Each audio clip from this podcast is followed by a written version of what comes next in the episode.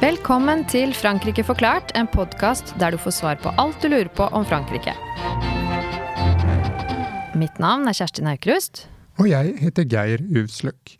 I denne podkasten så har vi flere ganger snakket om fransk historie. Om Paris-kommunen i 1871, om Napoleon, om Charles de Gaulle og om Algerikrigen, for å nevne noe. Og i dag skal vi ta for oss noe som er vel så spennende, nemlig fransk språkhistorie. Hvor kommer fransk fra? Hvordan har språket utviklet seg over flere århundrer? Hva er de største forskjellene på dagens fransk og den franske man snakket i middelalderen eller i renessansen? For å bli klokere på fransk språkhistorie har vi i dag invitert Kristine Meklenborg Nilsen, som er professor i fransk ved Universitetet i Oslo, og blant mye annet ekspert på det man kaller gammelfransk. Velkommen! Tusen takk. Kristine, la oss først gå tilbake til røttene. Hvor kommer fransk fra? Er det fra latin, eller er det kanskje fra det språket som eh, Astrix og Obelix ville ha snakket, altså gallisk? Det er nok fra latin. Eh, men veien eh, opp gjennom historien har vært litt kronglete. Det tok ganske lang tid før fransk på en måte ble fransk. Så det ligger Men lenge så var det mange som snakka gallisk i Gallia i Frankrike. Mm. Eh, men når oppsto det franske språket som sådan? Altså når mm. kan man begynne å snakke om et fransk språk? Det vet vi jo egentlig ikke, for det er ikke så veldig mye kilder. Det første dokumentet vi har hvor vi sier at dette er skrevet på fransk, det er fra 842. Eh, og det er et ganske artig dokument, fordi at da er det sønnesønnene til Karl den store som skal dele eh, det store Gallia, altså Karl den stores rike, som er mye større enn Gallia, skal dele det seg imellom. Og da er det de to yngste som rotter seg sammen for å ta den eldste, og så sverger de troskap til hverandre og deler det sånn cirka i Frankrike og i, i Tyskland, da, altså ish. Um, og så går det et år, da, så må de ta med storebror også. Men, men, det er skrevet, og da sverger de, eller de sier eden da, på gammelfransk, eh, og, og på det gamle tyske språket. Sånn at vi har liksom parallelle eder. Så det er ganske morsomt. Men det er klart, det skjer jo endringer før det som gjør at det blir fransk. Men det her er uh, veldig sånn rekonstruert, og vi kan ikke si akkurat her begynner eh, fransk. Det vi kan si, er at vi har latin. Og da snakker vi ikke om sånn Cæsar klassisk latin, men vi snakker om den talte latinen.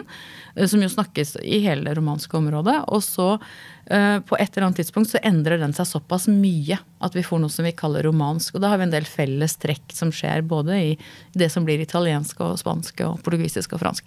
Og så, etter det, da, så skiller det seg enda mer ut den franske retningen. Ja, Du nevnte dette med romansk.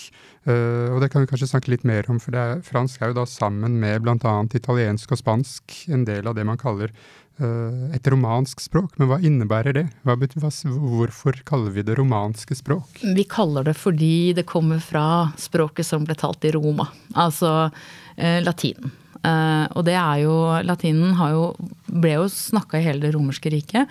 Og, og, har veldig mange etterkommere i dag. Det er veldig mange romanske språk. De store er jo Nå tenker vi portugisisk, spansk, fransk, italiensk. Men det er veldig mange flere. Også rumensk er jo et romansk språk. Det var jo en, en uh, romersk koloni, Dacia, som var ganske kort periode underlagt Roma, men nok til at språket festa seg. Og så har det utvikla seg ganske uavhengig da, fra det øvrige området. Mens de andre romanske språkene, der er det nesten et sånt kontinuum, sånn at det henger litt sammen. Men også på uh, Sardinia så har du et eget språk som er veldig avsondra og veldig arkaisk. Så, så, dette er en stor språkfamilie hvor, uh, hvor fransk da er et av de aller største medlemmene. Så skal vi over til det du da, som nevnt, virkelig er ekspert på, altså gammelfransk. Kan du forklare hva det er? Gammelfransk er um, Vi kan si det grovt, så er det språket som man har eh, data fra fra 842, altså med dette her, eh, denne eden, og til ja, rundt, eh, rundt renessansen. Du har gammelfransk, sånn sett er opp til kanskje 1300, og så kommer mellomfransk etterpå. Så det er en ganske lang periode i det franske språkets historie, og det er et språk som er Mm, den eldste gammelfransken er veldig annerledes enn moderne fransk. Så det, det, men så blir det jo nei, du ser det glir jo oppover mot det vi kjenner igjen da, opp gjennom århundrene. Men det er ikke mulig for en uh, lekmann uh, franskmann å forstå gammelfransk skriftlig? Nei. nei. nei, Det er omtrent som når vi skal lese norrønt. Altså det det er vanskelig. Det er veldig fjernt fra språket i dag. Så jeg tenker det, det har jeg ofte tenkt at det, er ikke så stor forskjell på om du er fransk eller norsk når du skal lære deg gammelfransk, for det er et nytt språk. Du nevnte denne viktige teksten fra 842. Eh, er det noen andre viktige tekster, noen kilder vi har på gammelfransk? Det er jo, altså vi har, altså det finnes jo veldig mange typer kilder. Um, det, det, er jo et politisk dokument, da, dette her. Du har en del nedtegnelser, analer osv. Og, så og så er det jo en, en voksende litteratur som har også prega europeisk tankesett da, i, i ja, rest, fremdeles. Altså når vi snakker om Gralen, så er jo det f.eks. noe som først ble beskrevet om i skriftlig da, av Chrétien de Troyes. Men det er jo, bygger jo igjen på en keltisk sangkrets, så ikke, han har ikke funnet det opp. Veldig mye av det som litteraturen er jo gjenfortellinger av andre myter, ting som har kommet andre steder fra.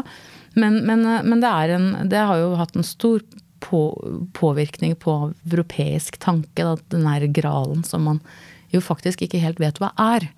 Fordi Persevaus han eh, glemte å spørre fiskekongen hva er det? Hva tjener det til? Og Det er litt uh, ergerlig, fordi uh, Chrétien døde før han var ferdig med å skrive om Gralen. Så vi har aldri funnet svaret på det. Men det skaper jo myter, da, som jo uh, er absolutt tilstedeværende i europeisk tankegods i dag.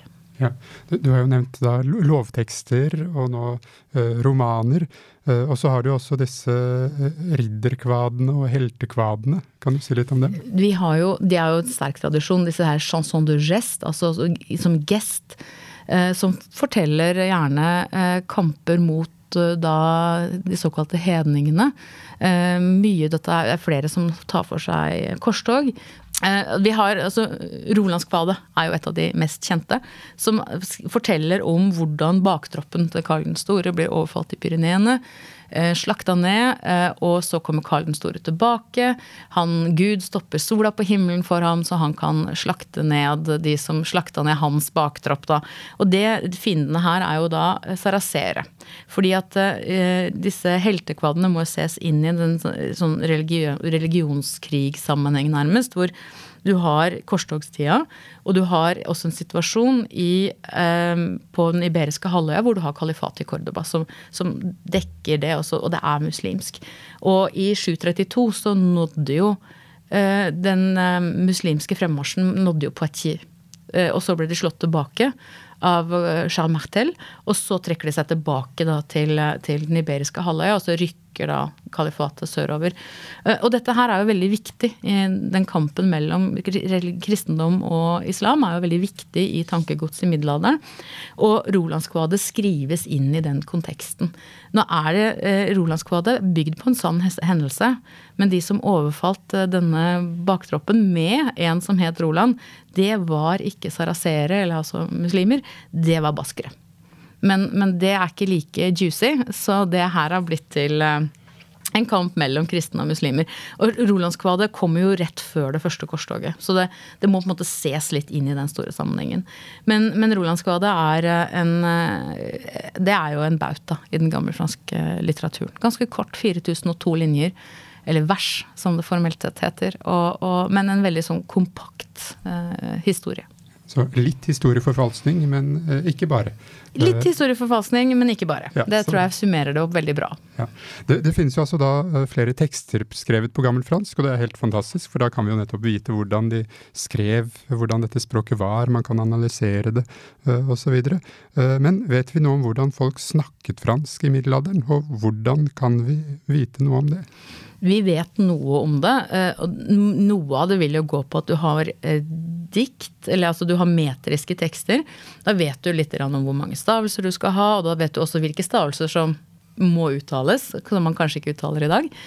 Um, men Og så har man jo rekonstruert lydene, ikke sant. Du, du, starter med latin, og så rekonstruerer du opp til moderne fransk. Så da kan du ha ganske presise antagelser rundt det. Det er klart, vi har jo ikke lydbånd, altså vi har ikke, og vi har ikke tidsmaskiner, dessverre. Så, så, det er jo, sånn sett så er det jo en veldig kvalifisert gjetning. Men vi har noe som er veldig gøy. Vi har et museum over fransk uttale, og det heter engelsk. Mm. Fordi i um, hvis vi drar til 1066 eh, Først så eh, er det altså et slag hvor eh, Harald Hårråde taper oppe ved York. Og så er det slaget ved Hastings. 17. oktober i, i 1066, hvor Wilhelm Erobreren kommer over kanalen og vinner. Eh, og blir krona til engelsk konge i Tower første juledag i 1066. Og med det så tar han også med seg eh, den franske adelen fra Normandie og det franske språket, og det blir det dominerende språket i England. Altså du har, får en tospråklig situasjon hvor du har gammelengelsk, som er et um, veldig germansk språk, altså ligner på gammelhøytysk eller også på norrønt for så vidt. Um, og så har du da det franske, gammelfranske ved siden av. Og det, veldig mange av de gammelfranske ordene de blir i engelsk. Og, og, i dag så er det rundt 10 000 låneord i engelsk fra fransk. Men de har da i stor grad beholdt den uttalen de hadde. F.eks. hvis du ser på um, chance på fransk, så sier du sj. På engelsk så sier du chance eller chance, med en T foran. Og den vet vi at uh, ble uttalt på det tidspunktet hvor man kryssa kanalen. Og så har du en del tilfeller hvor f.eks. det heter ild. Det heter insula på latin, så det har vært en S og en N der. Men den, det skrives isle uh, på engelsk fortsatt. Det er en stum S, og vet, da vet vi at den var stum i fransk på det tidspunktet. Mens f.eks. Um, fett, feast, der uttales S-en. Og da regner vi med at den S-en, da sa man ikke fett, fettet, men altså festet i uh, 1066. Så man kan rekonstruere en god del ved å se på hvordan franske ord uttales i engelsk, men det gjelder da bare de ordene som er lånt inn i tidlig eh, på, på 1000-tallet, ikke de som har kommet inn seinere. Men det er ganske morsomt, og det, er, eh, det gjør jo eh, det er veldig fascinerende den tanken med at man kan ta ord inn i et annet språk, og så bare blir de konservert. Og så sitter vi der med en sånn liten sånn tidskapsel inni det engelske språket som forteller oss noe om gammelfransk. Det er veldig gøy. Sånn språklig detektivarbeid? Mm. mm. gøy. Ja, veldig kult. Uh, det finnes jo også, på, eller på et tidspunkt, så fantes jo faktisk to dominerende språk i Frankrike. det såkalte Languedoc i sør og Languedoil i nord. Mm. kan du si litt om det? Det kan jeg. Eh, nå har jeg tatt med meg et kart her, og det er veldig lite egna på en podkast. Men hvis dere ser her, så er det altså kart over dagens Frankrike med litt, sånn, litt mer i øst. Så er det eh, det mesteparten av området det er en sånne lyse farger, og så har du en sånn grønt bånd i sør fra eh, Pyreneene og mot helt bort til Nis, altså litt inn i landet. Og det er det, tilsvarer det som romerne kalte den um, provinsen som var het Transalpina, altså Gallia Transalpina. Og det betyr Gallia på den andre siden av Alpene. For du hadde også Gallia på den romerske siden av Alpene. Det var en eh, romersk, ble en romersk provins, det er derfor det heter La Provence. Um, og den ble godt romanisert. Dette her skjedde rundt 120 før Kristus. Og inn i det området her så bodde det sånn rundt augusttid en 100 000-200 000 romere. Og det ble velfungerende del av det, det romerske riket. Alt det andre, de tre gall galliene, altså det som ligger under Aquitaine, og det som tilhørte eh, dagens Lyon, og, og det som het Belgia, Belgikai, altså Belg, det som har gitt navn til Belgia, de ble ikke innordna i det romerske riket før under Cæsar. Eh, regner med at det var i 51 før Kristus. Da var, liksom, da var det fred i, i, Gallia. Og dette er jo den situasjonen hvor alle som har lest Asterix, har jo hørt om jeg kan ikke si navnet hans, for jeg har bare lest den sånn i Asterix. Versengitorix. Som samler gallerne, og så legger han ned, taper de, og så legger han våpnene foran Cæsars føtter. Um, men, og dette området blir aldri latinisert og romanisert på samme måten som, uh, som transalpine. Og her blir uh, mye mer sånn Her er det mye mer gallisk, her er det mer blanding av språk, du har masse germansk innflytelse. Uh, og det er egentlig ikke før i det tredje århundret etter Kristus at de begynner å få et press på seg til å lære latin. Sånn de lærer latinen seinere. De er ikke like romaniserte, og det gjør at du får en helt annen språkutvikling i nord enn det du gjør i sør. Så det som er i sør, det, som, liksom, det er et større område enn det som er transalpina, men i sør så snakker man da en, eh, et språk som ble eh, romanisert, latinisert, mye før, eh, og det er langdokk. Og det, det, er ok, fordi det betyr ei ord for ja. Og i nord, langdoil, hvor oil er navnet for ordet for Eh, ja, oui.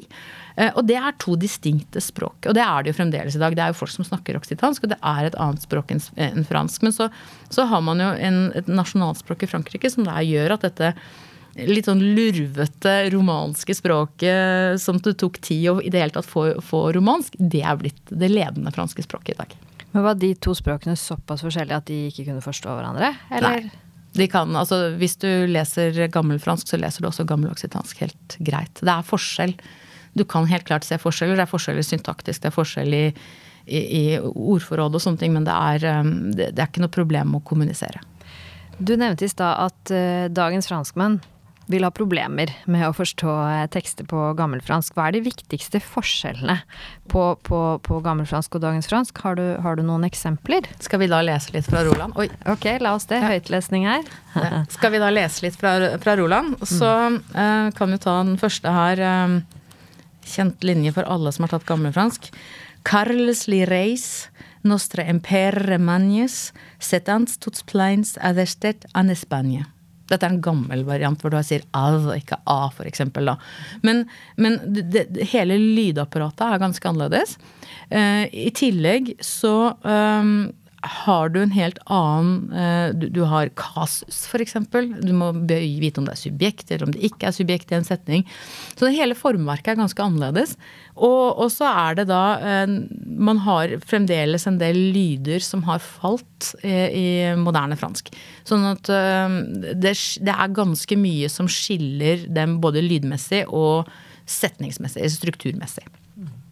Kunne du sagt den setningen på moderne fransk? Jeg kan ta og lese oversettelsen ved siden her. Le roi Charles, notre empereur le grand, s'étant tout plein et resté, resté dans l'Espagne. Rett og slett. Ikke altså, sant? Da hører du. Carles blir til Charles. Mm.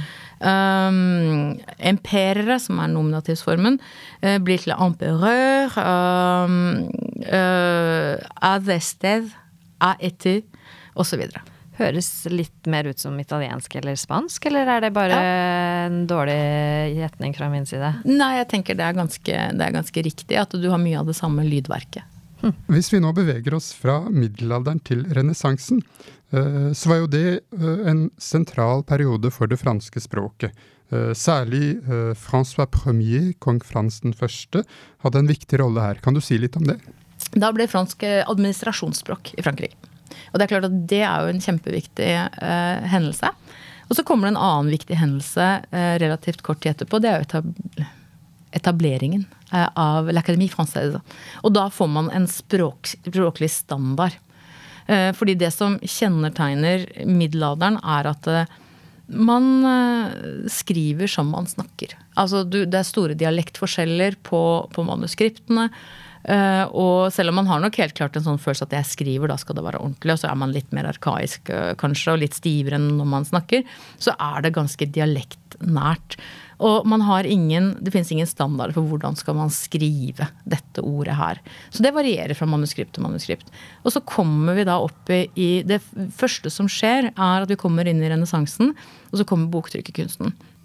Da går man fra å ha munker som sitter og skriver for hånd, litt sånn etter eget forgodtbefinnende, til at nå skal det trykkes. Og eh, da må det være skikkelig. Og da får man eh, en egen yrkesgruppe, typografene, som blir veldig drivende for å lage en standard. Og så diskuterer man masse frem og tilbake. Hvordan Ok, vi har A kan bety har, A kan bety på. Hvordan skiller vi det her? Og det er jo det, det er et av de første stedene hvor vi faktisk får en aksent for å markere forskjellen på de to ordene. Eh, og diktere, forfattere osv. er med i den diskusjonen her. Hvordan skal man skrive fransk? Og så kommer da eh, For det første, det blir både et administrasjonsspråk, og litt seinere så får du Det franske akademiet, som skriver noe, begynner å gi ut en ordbok, og som definerer standarden. Dette er fransk. Og da får du et, det blir en helt annen språklig situasjon. Du får en homogenitet i det som, som jo gjør at uh, fransk kan hende også gjør at en del utviklingstrekk roer seg ned. Du får et ganske stabilt språk. Men den, den, franske man da snakket da, når det ble mer standardisert i, i renessansen, vil den være forståelig for, for dagens eh, franskmenn? Ja. Mm. Men det finnes vel allikevel forskjeller, eh, vil jeg tro? Det finnes forskjeller, og det er jo sånn som man kanskje eh, Når man holder på med litteratur, så vil man jo f.eks. se hva rimer, hva rimer ikke. Et eller annet tidspunkt hos Racine så husker jeg ikke helt hva det er, men fis og sønn, eh, den, det rimer med et ord som slutter på i, bare. Fordi at den s-en er liksom en leseuttale som ble lagt til senere. Og så er det en del ting. Man øh, hadde nok uh, rulle-r-er veldig lenge. Uh, Francois premier. Uh, og man har nasalering, altså man, man uh, Grammaire og grand-mère rimte, f.eks. Så man sa grand-mère for gram grammatikk også. Eh, så det er en del nasaleringsprosesser som har endra seg. Men antageligvis så sa man eh, Nå må jeg holde tunga rett i munnen. Eh, hvis man leser tekster som er skrevet før begynnelsen på 1800-tallet, i fortidsformer, så skrives det f.eks. Je regardais AIS. Det skrives OIS i tekster før 1837. Og det er fordi at man hadde denne herre OI kunne bli uttalt wa eller. Eh, og så falt eh, i fortidsformene så falt dette her, så man sa regardue. Og så ble det regarde. Og da måtte man etter hvert endre skriften. Så det er ting da som vi vet at det, det har vært en del det, endringer i, i uttalen. Men generelt sett så er det fransk fra 1600-tallet sammenligna med middelalderfransk er ganske kjedelig. Det er liksom Det er ikke så mye som skjer. Ikke sammenligna med, med, de første århundra vi har. Det er ikke like mye detektivarbeid? Eh, for å avslutte så skal vi snakke litt om eh, fransk i dag, for det språk utvikler seg jo hele tiden. Eh, og hva vil du si er de viktigste trekkene i språkutviklingen de siste årene i Frankrike? Hmm. Ja, altså nå er jo jeg syntaktiker, så jeg jobber jo med språkstrukturer. Ehm, det som er Jeg tenker at fransk er blitt ganske strømlinjeforma. Hvis man ser tilbake til uh, middelalderen, så vil f.eks. valget mellom skal du indikativ eller konjunktiv i en setning den, Der hadde man i større grad et valg basert på Ok, jeg sier noe som jeg vet at ikke er sant, da bruker jeg konjunktiv. Men jeg mener bestemt at dette er sant, da bruker jeg indikativ. Den typen eh, lek er det ikke rom for. Og du, man ser også at det, det, er blitt strengere og strengere, eh, disse utviklingstrekka, eh, for bruk av, av f.eks. modus. Sånn at det er sånn sett eh, mer syntaktisk styrt enn semantisk styrt. Eh, det skjer også noen forenklinger. Det har vært noen forenklinger bl.a. med noen nasaler. Det har blitt færre nasaler. Un bon vin blanc er nå redusert til tre. Til en bon Det blir sånn tungeøvelse, det her. Sånn at det er en del, del sånne ting. Men det er jo en følge av en standardisering av språket selvfølgelig også. På slutten av hver episode så ber vi vår gjest om å komme med en fransk anbefaling. Hva er din anbefaling til våre lyttere, Kristine? Da, tror jeg at den må være at neste gang man er i Frankrike, altså gå innom hylla med gammelfransk litteratur, tekst gotikk, og plukke med seg en, en, en, tekst. For veldig ofte så er disse her laget sånn at det står den gammelfranske på den venstre sida og den moderne franske teksten på den høyre. Så da kan man faktisk lese en gammelfransk roman ved å bare lese høyresidene. Eh, og har man lyst, så kan man jo se hva, som, hva det svarer til. Og, og da Rolandskvadet er en kjempefint sted å starte. og hvis man har sansen for litt mer sånn det som i dag heter fantasy, så er jo alt som går på kong Arthur og ridderen av det runde bord og sånne ting. Kong Arthurs død, f.eks., eh, som Tolkien har stjålet masse fra. Det kan anbefales. Det er veldig gøy. Gøy. Geir, har du også en liten anbefaling? Ja, jeg har også noen språkanbefalinger. Eh, for det, altså, fransk språk er veldig viktig for franskmenn. Eh, så hvis man er i Frankrike, så kan man jo gå og ta en titt på l'Académie Française. Ellers så er det et slags museum som åpner nå i vår, som heter La Cité Internationale de la Langue Française. Eh, som ligger i departementet Lenn, så vi skal gi litt mer informasjon om dette på Facebook-siden vår. Og hvis man ikke reiser til Frankrike, så kan man gå på nettsidene til l'Académie Française, og der kan man kikke på en av ordbøkene f.eks. Uh, eller man kan gå på nettsidene til Cité Internationale de la Langue Française, fordi de aller fleste franske museer har også ganske mye informasjon på nettsidene sine. Bra. Da gjenstår det bare å takke vår gjest Christine Mecklenborg Nilsen, så høres vi igjen i neste episode av Frankrike forklart. Au revoir! Frankrike forklart er et samarbeid mellom Universitetet i Oslo og Høgskolen i Østfold. Podkasten er støttet av Det norske universitetssenteret i Paris og Institut Francais i Oslo, og har full redaksjonell frihet. Abonner på Frankrike forklart på iTunes, Spotify eller på andre plattformer der du lytter til podkast. Har du kommentarer til oss eller forslag til temaer vi bør ta opp, kan du sende inn det via vår Facebook-side Frankrike forklart. Alle dagens referanser ligger på denne Facebook-siden og på nettsiden vår. Vi skriver en kronikk i forbindelse med hver episode som belyser dagens tema fra en litt annen vinkel. Kronikken finner dere på forskning.no, Transitmagasin og på nettsiden vår.